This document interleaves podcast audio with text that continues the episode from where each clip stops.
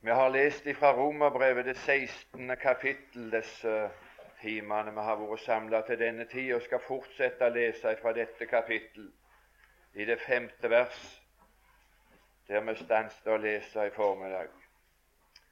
Romerbrevet 16 fra det femte vers i Jesu navn. Hils Epenetus, min elskede, som er Asias første grøde for Kristus Hils Maria, som har arbeidet meget forræder. Og hils Andronikus og Junias, mine frender og mine medfanger, de som har et godt navn blant apostlene, de som også før meg er kommet til Kristus. Hils Amplias, min elskede i Herren. Amen. Herre Jesus, vi vil få lov å takke for anledninga å være samla i ditt dyrebare navn. Og vi ville få lov å be om din nåde over denne stund, når vi nå har sett oss ned for å være opptatt med ditt ord. Vil du signe stunden for oss, og vil du la din ånd i ordet være på en sådan måte at det når den enkelte av oss. For varme våre hjerter, vi ber om det i ditt dyrebare navn. Amen. Og Jeg vil bare gjenta det som vi har hatt til en innledning, at vi leste i begynnelsen om ethvert navn som nevnes og det er en av de mest dyrebare sannheter for oss å kunne tenke på at den sanne Gud, han nevner alle navner. Ingen navner er glemt hos Gud, men han nevner til stadighet er alles navner nevnt av Gud og hos Gud. Og enten er ditt navn nevnt av Gud med glede, av den gode grunn at du er hos Gud. Gud fryder seg over å kunne nevne navnene på alle de som er hos Gud. Og da er det en fryd for Gud bare at du er der. Og så er det navner som han nevner med smerte, for han savner de med bordet. Nå er jeg ikke sikker på om vi har noen sånne til stede her på, på dette samvær, som har et navn som Herren må nevne med smerte fordi du ikke har sagt ja til Jesus. Men det er iallfall en trøst for oss å vite at den sanne Gud, han nevner alle navner til stadighet, og ingen er glemt. Og så spør han de som han savner hos seg. Hvor er de henne nå? Hvor er de henne? Kan du finne de, slik at det kan få gjøre miskunnhet imot de? Dette var det vi begynte med. Men her er det at her nevnes navner i Romerbrevet 16. Når Romerbrevet er ferdig skrevet, de 15 kapitlene er ferdige med det budskap som apostelen Paulus er blitt pålagt av Gud å sende, så sender han et kapittel i dette brevet med hilsener til enkelte navner som nevnes. Og når vi har lest de, og når vi leser vår bibel med disse navnene, så er det ikke bare begrensa til at det har en historisk verdi, at disse navnene er personer som har levd. Men for oss som lever i dag, så har disse navnene som får en hilsing, en kolossale verdi for den enkelte i denne forsamling. Tenk om du kunne kjenne deg igjen i noen av disse navnene, slik at du fikk en hilsing ifra Gud i dag. Å, om, om, du kunne være så heldig å få en personlig hilsing ifra Gud i forbindelse med disse navnene. Å, jeg kjenner meg igjen. Dette navnet passer på meg. For navnet i Bibelen det ikke bare, er ikke bare et navn som forteller om hvem en person er, men det er også et navn som forteller oss om hvorledes personen er. Så kanskje er det dette som er ditt navn. At du kan kjenne deg 'Å, det er akkurat sånn som jeg er'. Det er akkurat sånn som jeg har det. Så er det en helsing å få. Og den som vi nå leste om først, som fikk en helsing den gangen, og som får en helsing ifra Gud i denne stund, om du kjenner deg igjen i dette navnet. Hils Epenetus. Hils Epenetus, min elskede, som er Asias førstegrøde for Kristus. Og Når vi går til ei ordbok og slår opp på Epenetus, så vil du finne at det navnet betyr prisverdig. Og du må helse de prisverdige i menigheten, i den forsamling som, som han nå skriver til, til eder. Hils Epenetus, som betyr prisverdige. Ja, men er det noen muligheter for at jeg kan ta den hilsingen til meg? Jeg kan vel ikke finne at dette passer for meg, at jeg er prisverdig. Da hadde jeg så skrekkelig lyst for å påkalle din oppmerksomheten hva det er som kvalifiserer en person til å få en sånn hilsen fra Gud. Hva det er som er begrunnelsen for at det er noen overhodet som får hilsing fra Gud fordi de heter Epinetus, fordi de er prisverdige.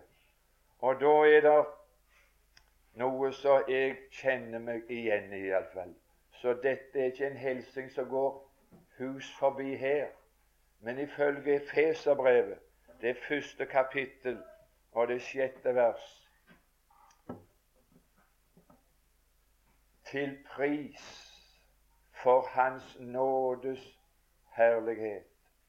Alle som har sagt ja til Jesus, alle som har tatt imot nåde av Jesus, alle som har tatt imot syndenes forlatelse uforskyldt, som en gave ifra Gud. Bare mottagelsen av den nåde gjør deg prisverdige for Gud. Og det er ikke det jeg er i meg sjøl som gjør meg prisverdige for Gud men det er den nåde som jeg har tatt imot ifra Gud, til pris for Hans nådes herlighet. Har du tatt imot nåde? Er det nåde som gjør deg prisverdige, så kan du få en hilsing ifra Gud her i denne stund. At de prisverdige i denne verden som Gud sender hilsing til, det er de som har mottatt nåde, syndenes forlatelse, forløsningen i Jesu blod. Og alle de, de er til pris for Hans nådes herlighet. Det er en hilsen som jeg får her. Og denne prisverdighet som jeg har fått på grunn av at jeg har mottatt nåde det er noe som jeg skal få lov å beholde i alle evigheters evighet. Når jeg skal svare folk som spør meg hvorledes kan du, Arnold, være sikker på at du er frelst? Er du bedre enn andre? Har det lykkes bedre for deg? Er du av de vellykkede i samfunnet? Så kan jeg svare det er utelukkende for at Gud har gitt meg nåde uforskyldt. Og så tok jeg imot. Så tok jeg imot. Det er grunnen for at jeg er frelst i dag. Og grunnen for at jeg skal finnes i evigheten og være frelst, så skal jeg være en av deg som skal gi en tilleggsgrunn til denne nåde. Å, det var nåde som gjør han Arnold komme til himmelen. Han skal være til pris for Guds nådes herlighet. Her skal du se hva Guds nåde klarte. Han klarte ikke bare å begynne et verk i nåde med meg, men han klarte å føre meg helt fram til himmelens herlighet. Å, du må hilse til de som har mottatt nåde av Gud. De er til pris for Guds nådes herlighet. Får du en sånn hilsen her i denne stund? Det er ellers lite som kan prises i mitt liv. Hvis det var andre ting som gjorde folk prisverdige, så ville ikke jeg kjenne meg igjen i dette. Men når det er på denne måten at det er til pris for sin nådes herlighet, så har jeg tatt imot. Første Korintiabrev, det 15. kapittel og det tiende vers. Og det sømmer seg av meg, både på talerstolen, i vitnesbyrd og ved private samtaler, så sømmer det seg for meg å avlegge et sånt vitnesbyrd til stadighet. Men av Guds nåde er jeg det jeg er. Av Guds nåde. Det er ingenting. Det er ingenting som jeg kan takke meg sjøl for for at jeg har livet Gud. Det er ingenting som jeg kan finne til grunn for at jeg skal få lov å komme til himmelen fremfor andre mennesker i denne verden. Noe annet. Men av Guds nåde er jeg det jeg er. Og da er det bare spørsmål om én ting. Har jeg tatt imot? Det er ikke en prestasjon å bli frelst. Det er ikke å ta seg i sammen og bli frelst, men det er å falle i sammen. Det er å legge i sammen. Det er å gi opp og kapitulere at jeg intet kan gjøre. Alt er fullbrakt. Din del, det er å tro det og takke, og Frelseren kaller deg sin. Har du mottatt i takk? har du kommet til troen på at det er et fullbrakt verk som Gud tilbyr deg i nåde, og det blir din og ditt ved å tro det og takke. Du kan takke deg frelst. Det er noen som tror de skal be seg frelst. Nei, det er en måte å bli frelst Det er å takke seg frelst. Takke i tro for at Han har gitt deg, tilbyr deg, en frelse som er fullbrakt. Din del er å tro det og takke. Og Frelseren kaller deg sin. Du må helse de som har tatt imot. De er prisverdige. Her er ikke spørsmål om personer. Her er ikke spørsmål om vellykkede eller mislykkede. Her er bare spørsmål om én ting om du har tatt imot. Om du har tatt imot om du er kommet til troen, om du har trodd på det fullbrakte verk, og takka Takk, Jesus, du døde på korset for meg. Så er du frelst. Takka deg frelst. Så er du blant deg som får en hilsen ifra Gud. Og du må hilse alle epenetuser. Du må hilse alle som er prisverdige for det eneste som Gud ser etter så han kan prise, det er sin nådes herlighet. Jeg kan ikke si mer om det, skulle ha lyst. Men det står et vers til i Efeserbrevet, første kapittel, og det 18. vers. Å, men de er prisverdige. Å, så sier han Du verden, men det, vi har lite slike bønnemøter.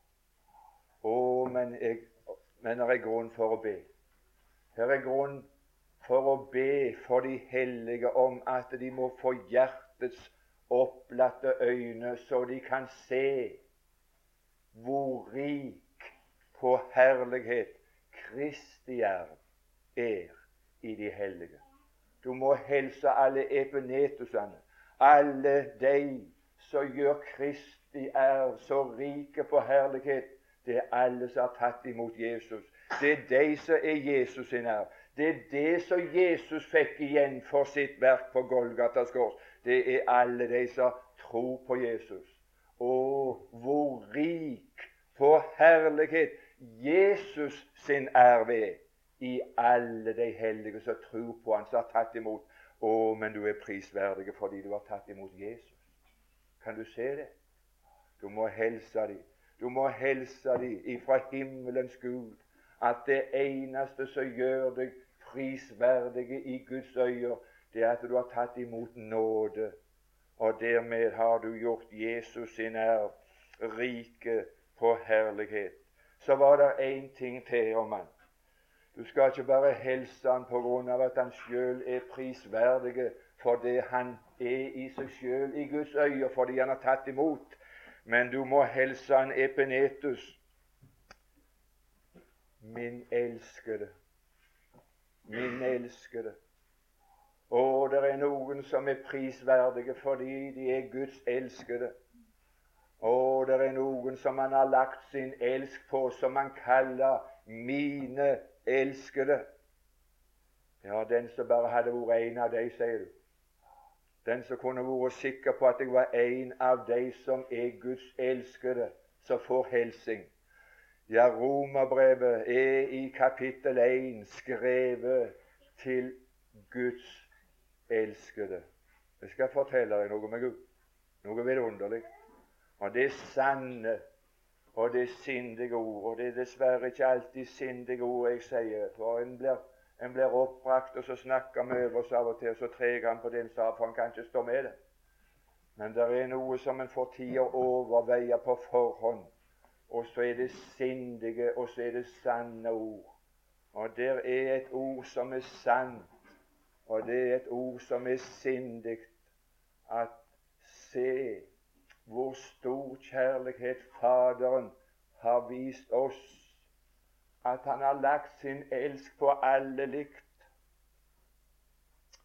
Han har ikke spesialnavner på noen, men han kaller alle sine det er mine elskede. Alle som har tatt imot Jesus. Det er mine elskede. Gud gjør ikke forskjell. Han har ikke noen sånne, sånne, sånne i familien som legger spesielle elsk på. Det er ikke noen i Guds familie som har et spesielt forhold hos Gud at 'dette er gullungen min'. Dette, her var, dette, dette, dette er stjernebarnet mitt. Gud gjør ikke forskjell på noen i familien. Han legger sin elskling på alle. Å, du må hilse til dem at de er Guds elskede. Du er dyrebar i Hans øyne, som du har sagt ja til. Og du er dyrebar, du er Hans elskede, bare fordi du tror på Jesus. Ikke på grunn av det du er og kan gjøre, men på grunn av du har tatt imot nåde og tror på den Herre Jesus, så er du Guds elskede i denne verden. Se kjærligheten, hvorledes den ytre seg hvor stor kjærlighet Faderen har vist oss at vi skal kalles, og så skal vi kalles likt alle sammen. Vi skal kalles Guds barn.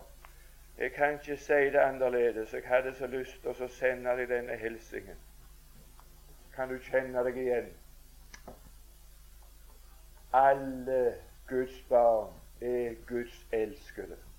Det er vondt for deg å, å, tenke på det, men det er ikke godt å få en sånn hilsen sånn som du er, sånn som jeg er. Herlige land, er det noe som jeg ikke kunne innbille meg at, at jeg var Guds elskede sånn som jeg er? Og så har Gud ikke noen som han gjør forskjell på. Alle barna i familien. Og da er det bare spørsmål om én ting. Det er om jeg har tatt imot Jesus. Og alle de som tok imot ham, de gav han rett til å bli Guds barn. Og har du tatt imot Jesus, så har du rett til å være Guds barn. Og er du Guds barn, så er du Guds elskede barn. Å, du må hilse til dem. Du må hilse til alle de der som Gud har i Hålandsdalen, som han har her i Bergensdistriktet, som han har fra Sunnmøre, fra Karmøya, du må hilse til de som er i verdens øye akta som slaktefår. som ikke verden bryr seg om, det er Guds elskede i denne verden, som Gud har lagt sin elsk på. Du må hilse dem. Kjenner du deg igjen? Kjenner du at du, at du nå kan få en direkte hilsen fra Gud? Det kommer av og til noen inn på forretningen min, og så sier de de har vært på reise, og så sier de 'Jeg skal hilse til deg fra en god venn på Sørlandet.' Og så sier de nei. Det er skrekkelig gildt å få hilsener fra gode venner på Sørlandet eller fra Sunnmøre. Men jeg skal fortelle deg det er enda bedre å få gode hilsener fra Gud. Det kommer noen i min vei, og så sender de 'Jeg skal hilse til deg fra Gud. Kjenner du deg igjen på dette navnet?' Er det er det, det du heter? Er det dette navnet du lyver? At du kjenner deg igjen på at du har tatt imot Jesus? At du tror på Han? Så får du en hilsen. Du er Guds elskede. Og du aldri glemme det. Og så var det den tredje tingen som er sagt om han. Ikke bare det at han, han er prisverdig fordi han har tatt imot og er Guds elskede, men han er Asias førstegrøde for Kristus. Å, du må hilse at han Epinetus han var den første i Asia som trodde på Kristus. Og han er prisverdig fordi han var den første på det stedet som tok imot Kristus. Og ved å ta imot Kristus så ble han en førstegrøde for Kristus. Men du skjønner, de er like dyrebare, like prisverdige, de som hører til resten av grøden. Det er samme sorten, forstår du. Både den første som tar imot Kristus, og resten av grøden. Han ble førstegrøden for Kristus. Og du er altså blitt Om du er den siste grøden, det er det ingen som vet. Men du er blitt en. Og det var noen før deg som begynte å tro på Jesus her i dalen. Det var noen som trodde på Jesus før meg i min familie. Men jeg er av samme grøden. Førstegrøden for Kristus så kommer det en hilsen til som jeg leste. Å, men det er godt å kjenne seg igjen. Kjært barn har, har mange navn. Har du hørt gjete på det? At kjært barn har mange navn. Og i, i, i, i Bibelen så har er Guds kjære barn i den forstand at de har mange navn. De kjenner seg igjen i flere navner. Og her er det et navn til som mange kjenner seg igjen i. Men det er ikke alltid at alle kjenner seg igjen i disse forskjellige navnene. Men i det første som vi begynte med, med Føbe, der kjenner alle seg igjen. Men når vi sier, leste her om Hils Maria, så vet vi at det er en spesiell grunn for at Maria får en sånn spesiell hilsen. Det er én ting som kvalifiserer Maria til å få en hilsing her i Romerbrevet. Og da er det ikke bare den historiske Maria, men det er alle her i denne forsamling som nå vil kjenne seg igjen i betydningen av navnet Maria. Og Maria betyr den opphøyede. Den opphøyede. Ja, ja, hvis det hadde vært motsatt, så skulle jeg kunne tenkt at det var en hilsen å få for meg. For jeg er ikke opphøyet, men jeg er av de nedbøyede. ikke sant? Jeg skulle lure på om det ikke var mange her i forsamlingen som ville bedre kjenne seg igjen iblant de nedbøyede, for ikke snakke om å være opphøyet. Jeg er ikke så ganske sikker på at du er, at du er oppmerksom på hva slags navn du kan kjenne deg igjen på. For nettopp Maria, som betyr den opphøyede Ja, vi har vi har dette uttrykket fra Bibelen som vi kjenner 'Den som seg selv fornedrer, skal opphøyes'. Og det var noe som skjedde ved Maria og for Maria før hun ble iblant de opphøyede som får en hilsing av Gud. Det var at Maria gjorde et valg. Maria valgte ikke en opphøya stilling, men hun valgte en stilling i fornedrelse. Og den som seg selv fornedrer, skal opphøyes. Og Maria valgte den gode del, som ikke skal tas ifra henne. og den gode del som Maria valgte, hva var det for noe? Hun satte seg ved Jesu føtter. Lenger ned gikk det ikke an å komme i fornedrelse enn der som Jesu føtter har berørt. For når Jesus steg ned ifra den opphøyde herlighet, så steg han ned så dypt som ingen vet. Og så, så inntok Maria den nederste stilling der Jesu føtter berørte det laveste. Hun valgte en stilling ved Jesu føtter. Så jeg gav henne en opphøyelse. I Lukas, som jeg leste her tidligere, fra det sjuende kapittel, vil vi prøve å lese ut fra det sjuende kapittelet i Lukas hvorledes det går for seg når noen fornedrer seg og velger plassen ved Jesu føtter, så får de oppleve en opphøyelse som bare de kan få. I Lukas 7 så står det om denne kvinnen som kom inn i fariseeren Simons hus, og så sier Jesus i det 44. vers Jeg kom inn i ditt hus, du gav meg ikke vann til mine føtter, men hun vette mine føtter med sine tårer. Jeg vet ikke om du har blitt bevegd hvis du har valgt den gode del, hvis du har valgt å berøre Jesu føtter, hvis du har valgt å være opptatt med Jesu føtter, så kan du vel ikke unngås at det også kommer noen tårer frem på ditt kinn. Og de føttene har jeg nå lyst først og fremst å sitere fra Romerbrevet det tiende kapittel og det femtende vers at de føttene er de fagreste føtter jeg noen gang har sett og hørt om. Hvor fagre deres føtter er, som forkynner fred, og som bærer et godt budskap. Og du og du, for noen føtter så førte den Herre Jesus ifra himmelen og ned så dypt som ingen vet.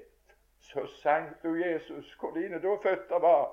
Det vet jeg ikke, men jeg vet at jeg har omfavna de.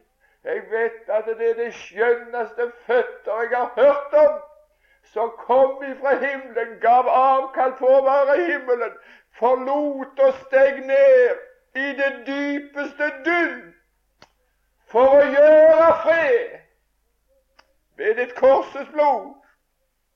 Så, så, så var han på Golgata, og så gjorde han fred.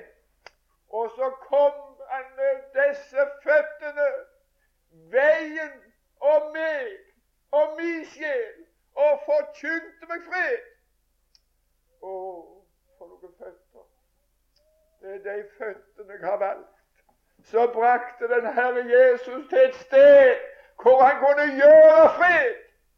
Og denne freden som han gjorde, den har han ikke bare forkynt meg er en sånn øyeblikkelig fred. Du har vel lest, og du kjenner vel historier om David og Saul når det var krig i Israel. Spetakkel og elendighet. Når det er krig, så er det det verste ordet som fins i denne verden. Det er ufred og ufred og usalighetstider. Så kommer David, og så legger han ned denne tvekjempen Goliat med en stein i slynga. Men han hadde tatt fem steiner, men han brukte bare én. Og så felte han Goliat. Og resultatet av dette, at han felte Goliat, det var at Israel fikk fred for Goliat. Når Goliat falt og var tilintetgjort, så, så, så trekte filistrene seg vekk, og så ble det fred. Men det var fred bare for ei stund. Så ble det nytt spetakkel, for det var fire Goliater til. Han hadde, han hadde fire brødre. Det var fem Goliater i alt. Og David brukte bare én av de fem steinene. Han tilintetgjorde én fiende, men det var fire igjen, og så kom det ny krig. Det var bare fred for ei stund. Men når den Herre Jesus var på Golgata, som den sanne himmelske David, så, så tilintetgjorde han ikke bare én av tvekjempene, én av goliatene, men han brukte alle fem steinene. Han tilintetgjorde. Han avvæpnet maktene og myndighetene og tilintetgjorde dem. Og han viste seg som seierherre over dem på korset.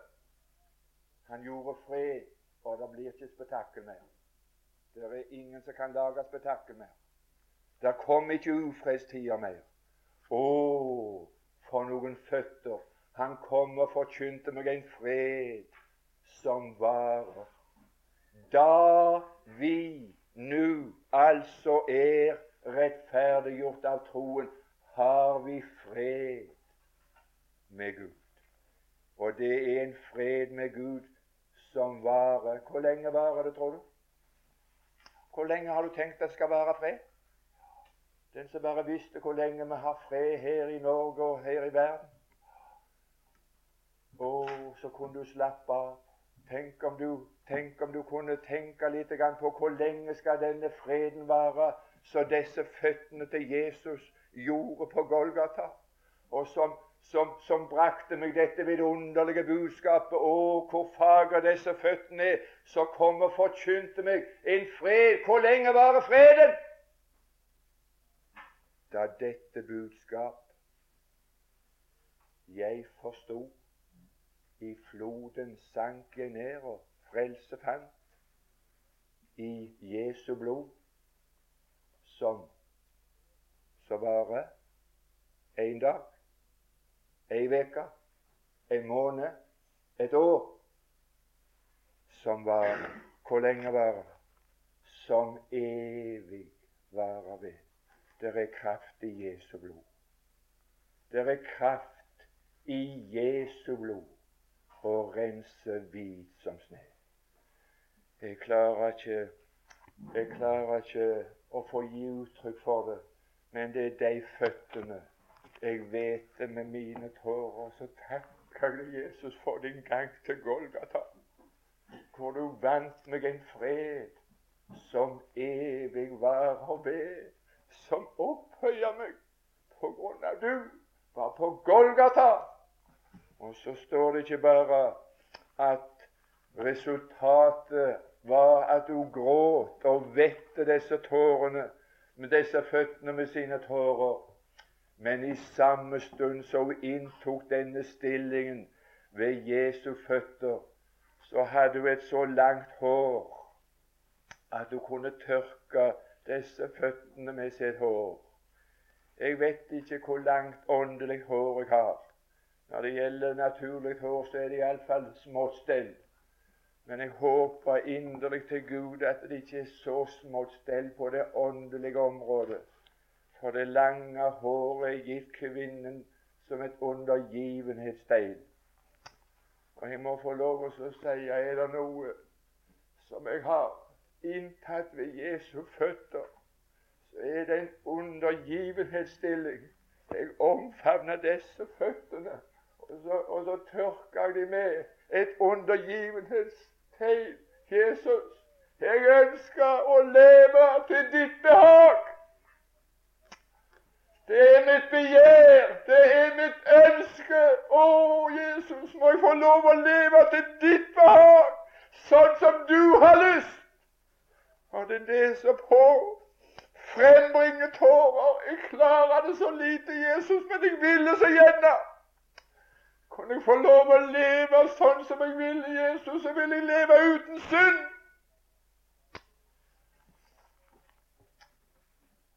Men tenk når jeg en gang skal leve. Det er det som skal bli himmel. Tenk når jeg en gang skal leve uten synd og uten muligheten av en syndig lyst, da skal det bli himmel. Men i dag er min frelse takket være disse føtter, så forkynte meg en fred som han gjorde på Golgatas kors. Og den som fornedrer seg ved Jesu føtter og velge denne gode del, han blir en sann Maria som blir opphøyet. Du må hilse til Maria så valgte Jesu føtter, og så skal bli opphøyet sammen med den Herre Jesus. Og det var ikke bare at hun gråt og vette hans føtter med sine tårer og tørka disse føttene med sitt hår. Men du store min, hun kysste mine føtter fra den stund jeg kom inn. Fra den stund så Jesus kom inn i mitt liv, så har jeg vært opptatt med å kjærtegne disse føttene. Hvorfor? Fordi han ikke satte foten på meg og knuste meg. Han kunne jo sett foten på meg og knuste knekkede rør. Og så kunne han slukt den rykende tanne. Det var bare å sette foten på meg. Jeg skal kjærtegne. Og jeg skal kysse disse føttene så lenge jeg lever, fordi han ikke setter foten på meg. Jeg vet ikke om det er noe som det ryker av i denne, i denne ettermiddagsstunden. Du hadde, hadde en glød, og du hadde en flamme.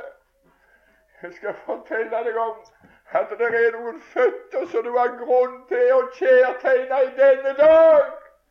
Han setter ikke foten på deg. Han, han, han knuser ikke det knekte rør om du har aldri så mange knekk og så mange brister. Han setter ikke foten på deg. Og om det ikke er noen flamme lenger, om det ikke er noen gnist lenger, det er bare en rykende tann i deg Han setter ikke foten på deg, han slukker deg ikke ut. Jeg skal kjærtegne deg, Jesus. Jeg skal kjærtegne deg fordi at du ikke gjorde det med meg når det av meg. Å, det er velsigna godt å få en sånn hilsen ifra den sanne og ifra den levende Gud.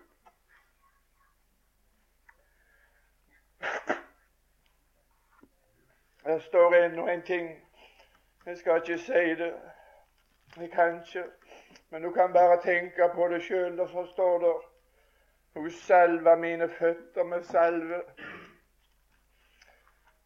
Det hørte vi litt om i dag, så de som fikk oppleve den timen av en villig seter i formiddag, det var iallfall noe som gav oss ei uforglemmelig stund.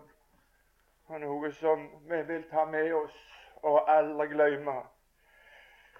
Jeg skal ikke si mer om det. Men jeg har lyst til å lese fortsettelsen om Maria. Du må hilse Maria, som har valgt den plassen ved Jesu føtter, og derfor kan kjennes som den opphøyde Maria, også av en annen grunn. Det er noe som opphøyer mennesker. Det er noe som et menneske kan forenes med, som bringer et menneske opphøyelse. Hils Maria som har arbeidet. Arbeid kan være en opphøyelse for et menneske. Og å bli forent Når Jesus sender en hilsen, så kan det være en opphøyelse å bli forent med arbeid, men ikke i alle tilfeller. Når Martha ble forent med et arbeid, så var det ingen opphøyelse for Martha. Martha ble fornedra av Jesus når Jesus snakket om hennes, om hennes arbeid. For når Martha arbeider, så arbeider du av tvang eller av ork eller av plikter og sure og gretne og motvillige. Å, det er grufullt fornedrende å bli forente med et arbeid som du gjør uvillig, gretten og sur. Bryr du ikke om Jesus? at, at min søster har latt meg alene. Å, så surt, altså. Det er bedre at du ikke arbeider da, hvis det skal være så surt.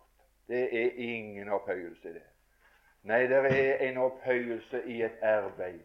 Å bli forent av Jesus som et menneske som har mottatt nåde og valgt plassen ved Jesu føtter.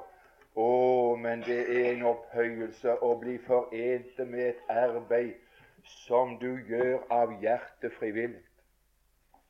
Å, men det er en opphøyelse når du ikke gjør det av tvang. Første Peters brev, det femte kapittel og det andre vers. Ikke av tvang, står det. Ikke av tvang. Det er ingen opphøyelse for et menneske å være tvangsarbeider. Jeg har sett sjøl tvangsfanger under krigen, og det var en fornedrelse å se de russiske fangeleirene på Karmøy. Det var en grufull fornedrelse for et menneske å være en, en pliktfange, en slave, tvangsarbeider. Å, du herlighet, for, for en fornedrelse.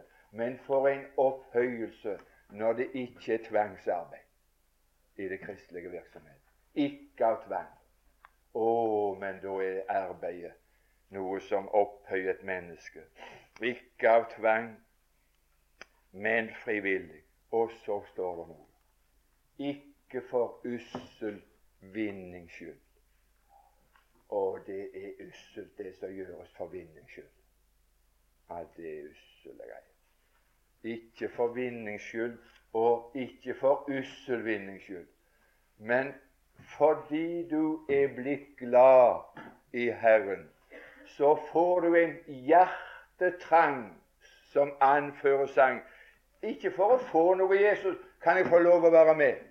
Kan jeg få lov å være med, for jeg er glad i det. Jeg har lyst til å gi Ikke for å få noe, og ikke for jeg er nødt, men fordi jeg er blitt glad i deg, så gjør jeg det av hjertetrang.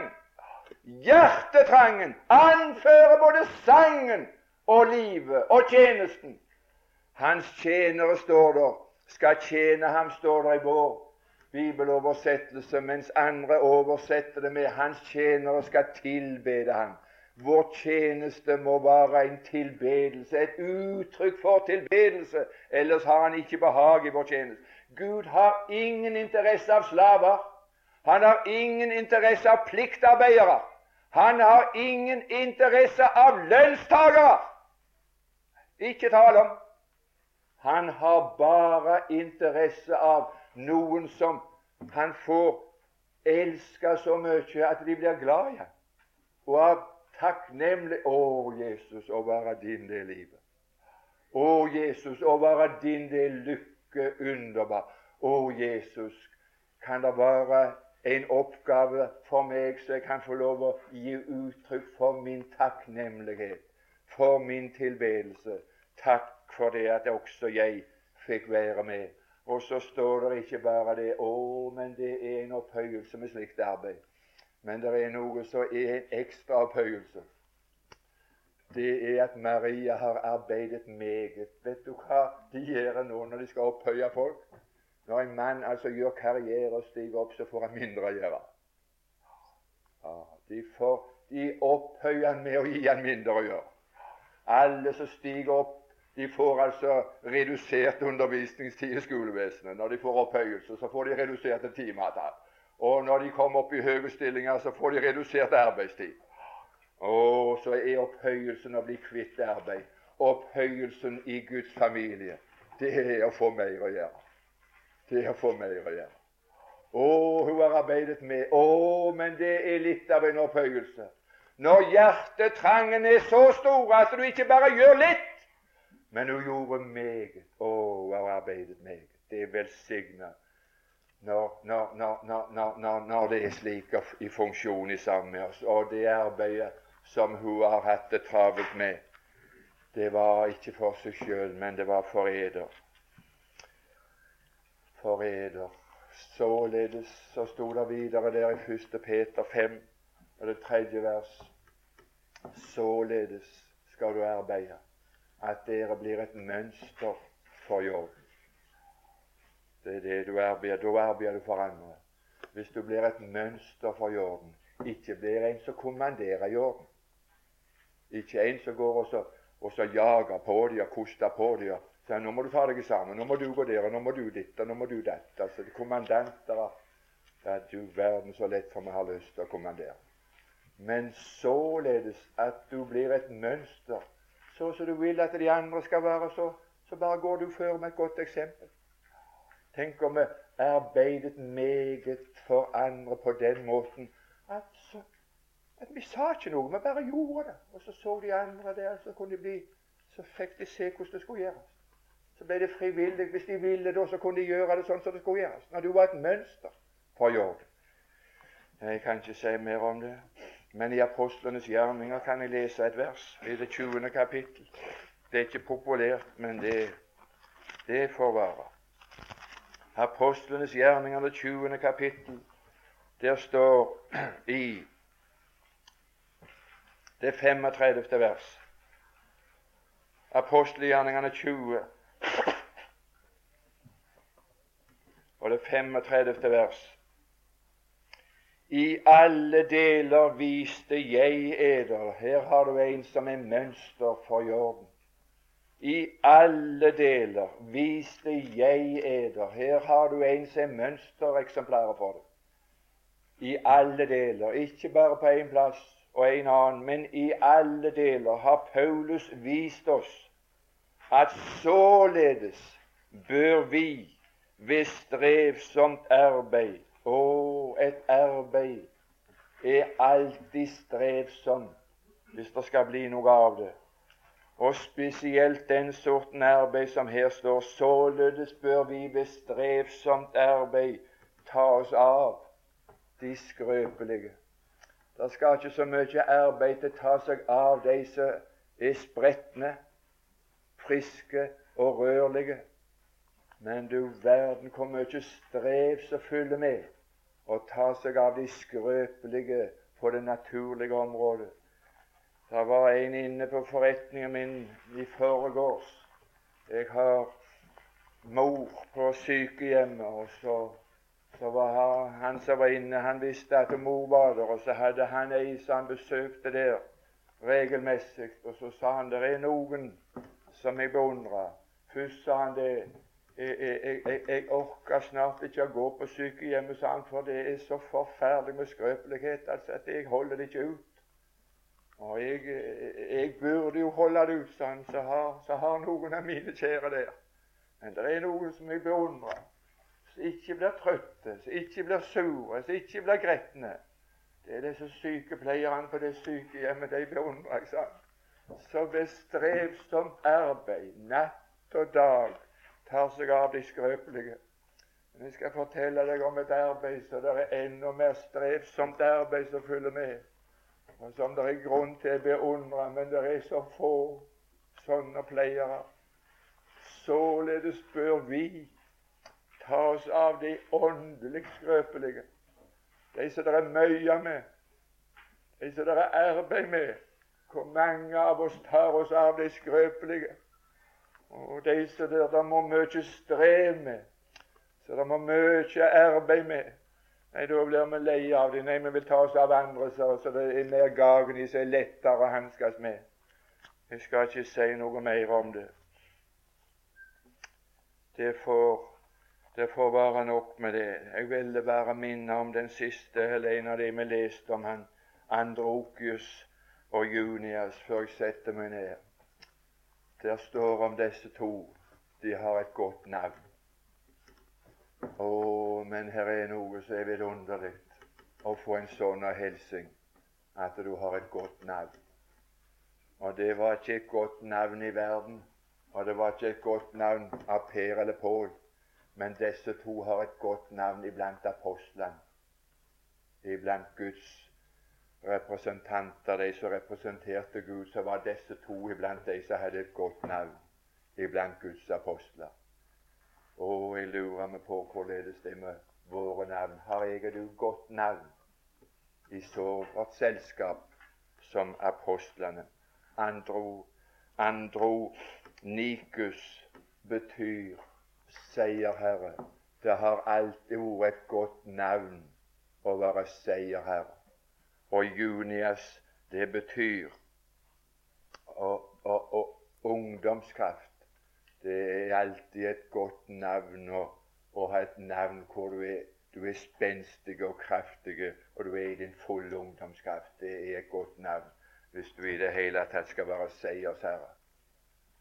Å, du store makel. Er det, er det sånne hilsener til noen i denne forsamling som kan ha et godt navn, at de er seierherre fordi de har sin ungdomskraft i behold?